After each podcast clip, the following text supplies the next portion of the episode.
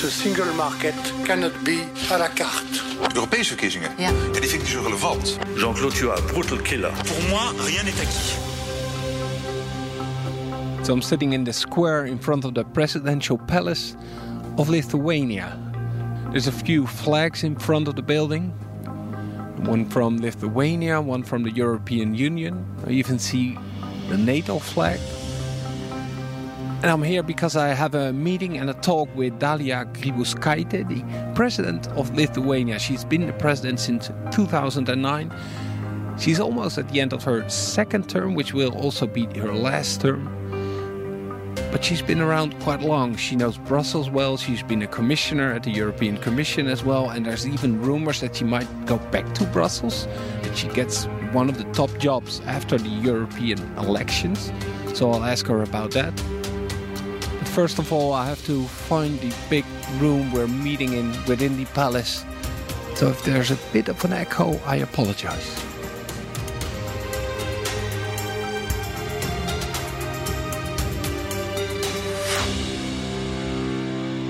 Will see different uh, and very much different European uh, uh, Parliament uh, because in most uh, countries uh, the European elections are based on national politics, on national questions, not on European questions, and the people are very much still mixing European Parliament's functions and goals with national politics, and they elect usually based on national politics their candidates to European Parliament.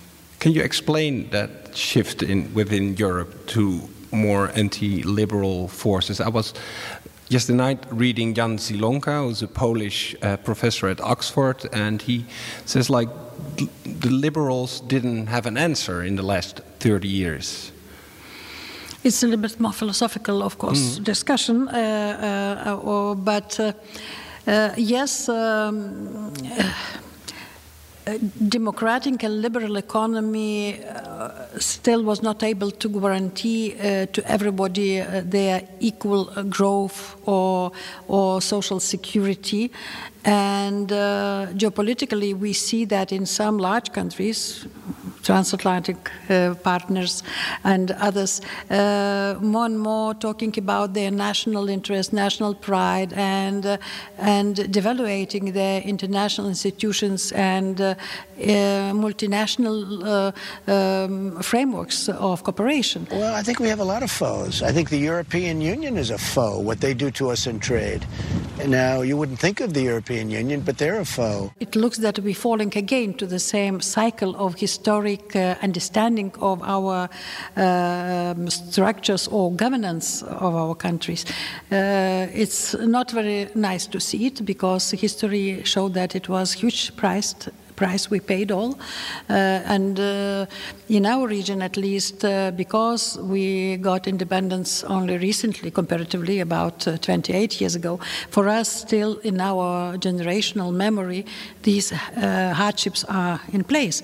And even uh, the Second World War and, uh, and after Second World War, what happened, the Soviet occupation, Sovietization, all these questions still in our memory. So for us, it is not a question.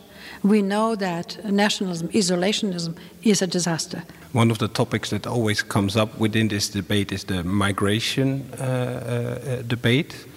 Um, is it in the case of Lithuania not so much a question of immigration but a question of emigration because there's so many Lithuanian citizens also leaving? It's a very mixed answer. Hmm. In the very beginning of uh, our independence, it's almost about more than 20 years, we had a phenomenon of emigration that Lithuanians were leaving for better life somewhere else. Now more and more we see returns back, but also we more and more see the entering to our country from the neighbors, Ukrainians, Georgians, visa-free regime, and uh, we are friendful. So yeah, there's a lot of Ukrainians coming to yes, Lithuania. Yes, we do. We do have the same as in Poland and in Lithuania. We do have a lot of Ukrainians. Uh, they mainly are filling our labor markets. Uh, so we have uh, migrants, but not uh, from south, uh, not from Africa, but mainly from East European countries, from Russia, even Belarus, Ukraine. for us, it's a mixed, but the situation is stabilizing. And and uh, now we are less and less losing our people, and uh, um, amount of uh, people in country started to stabilize with the influx, of course, some labor from outside. So in our case, immigration or migration questions a little bit differs in our region than in other European regions. Your relationship with Ukraine is, is probably quite strong as well with Kiev. Um, how did you look at the, the Dutch debate about that? Because we had a referendum and uh, people in the Netherlands didn't want Ukraine getting closer to the European Union. Did that whole decision in the Netherlands have any impact here in Lithuania as well? Yes, partly because uh, there were some decisions uh, which were supposed to be made uh, on European level, together unanimously, on association relations with Ukraine. Yes, uh, this was impacting, but in general, for us, Ukraine is very important as European um, nation, which is some kind of buffer uh, between uh, U- European Union and Russia's aggressive policies in Europe. When Vladimir Putin took the world by surprise Annexing Crimea, few thought it would lead to this. More than 2,500 dead, conflict still raging in the east. Russia and the West are more hostile than at any time since the Cold War.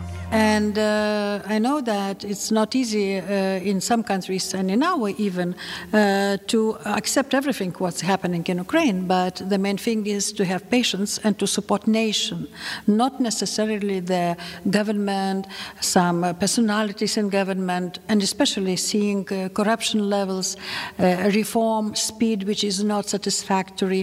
All these things are not very good. But uh, we in Lithuania uh, treat uh, Ukraine as, as our responsibility to share our experiences because 30 years ago we have been in the same point of history and now we are developed we are a member of european union nato and we already comparatively a prosperous country with Ukraine, but Ukraine was stagnating, was creating oligarchic uh, society and economy, all these things so different.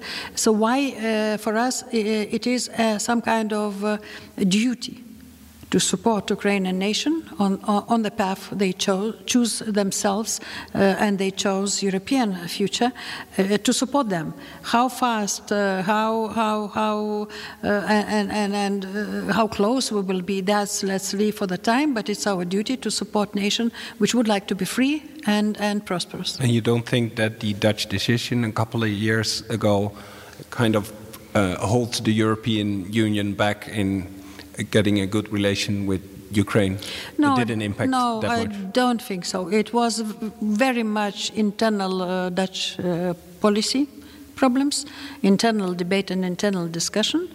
I don't think that uh, even the people who were voting or uh, uh, responding negatively were responding towards Ukraine negatively. It was more probably the response to internal politics and internal politicians uh, so why we were looking this more than uh, as uh, internal political debate of uh, Dutch uh, politicians and people. You became president in 2009. Mark Rutte, the Dutch prime minister, became prime minister in 2010. So you've been around in Brussels veterans, with all the veterans. so, so how's your relationship with him? I think always a lot uh, in relation depends on objective uh, reasons and, and, subjective reasons. Objectively, our countries have no problems. Uh, we do not have war, and historically, that means we do not have a lot of debate, debated questions in our history. So we could be objectively in very good uh, relations. And subjectively, of course, uh, depends very much on personality. And uh, we have good chemistry. Uh, we understand each other, we support each other around the table. So I think that uh, we are close uh, uh, objectively and close as, as people who understand each other well. Do you think it's important that you can build alliances in Europe to get things done? And what are the main uh, issues that you think maybe Lithuania and the Netherlands together should focus on? You know, it's very human One thing is necessity, objectivity. As head of state, uh, we're supposed to behave properly, but also there is a, a, human element in it. If you're sympathetic to one or another person, you can solve it faster because you trust each other, you like each other, and all things are more clear. And that's clear. the case with the Dutch Prime Minister. I hope so, at least from my side. What are the main challenges you think for the near future in uh, in Europe? I mean, there's all these different debates how to uh, how to connect or not to connect to China. You have the migration debate, which has should be the focus. If, if I ask you. We do have a lot of serious strategic uh, challenges, uh, but we also are distracted partly by uh, inflicted uh, by ourselves uh, challenges, as Brexit, for example. But objective crisis, yes, geopolitical uh, tectonic movements, as changes in geopolitical stance of United States, the new growing force as China. And that's clear that uh, between these two, at least, our economic uh, efficiency and our economic compatibility uh, is also challenged. And we need to concentrate how to increase and improve our capacity to uh, conquer in, in, the world. And instead of that, we every time meet, we discuss uh, practically I will say, some kind of parallel questions, uh, which are not so strategically important, finally, for uh, our future, and especially having in mind in the context of US or China's uh, competitive battles with us. yes, Brexit, we became a hostage of Brexit, really, and this takes a lot of our efforts and time, where we need to devote more time for our existential questions, our integration quality uh, our competitiveness with China and US. The Chinese President Xi Jinping shakes hands on its Belt and Road infrastructure project with the Italian Prime Minister Giuseppe Conte. Italy is the first member of the group of seven industrialised powers to endorse such a deal. It's even though the agreements have raised concerns from Western allies in the European Union and Washington. Uh, the trade tensions which are between now uh, these uh, uh, two, three at least uh, trade blocks in the world. And in the case of Lithuania, that's especially Russia is a very important topic. Are you happy with the way Europe is uh, positioning itself towards Moscow in the last five to ten years? You know, it's uh, not easy also to answer. It's not so simple question uh, which could be simply answered. Of course, uh, Lithuania as uh, bordering country of European Union and NATO with a fed country uh, is eager to have uh, uh, mutually based respectful relations. But if it's not possible for some time, and if you see some aggression demonstrated not only conventional, by, but by, for example, via concentration of military forces, exercises on your border, exercises in Belarusian territory with Belarus, for example, exercises in Baltic Sea, in the air, that's conventional part of it. The non-conventional part, as uh, TV aggressive programs, uh, fake news, informational attacks, cybersecurity, we have uh, about 55,000 annual cyber attacks, and mainly we know where from, and mainly to our infrastructure, energy, uh, government, uh, uh, and and all other uh, institutions. So uh, all this environment gives us very clear picture that uh, situation is not softening, and situation is enough serious to to to take care. And why we are all the time supporting sanctions, and we of course understand that these sanctions are more also symbolic nature, mm. uh, more declaration that we do not uh, accept what they are doing in the world and, and on our border.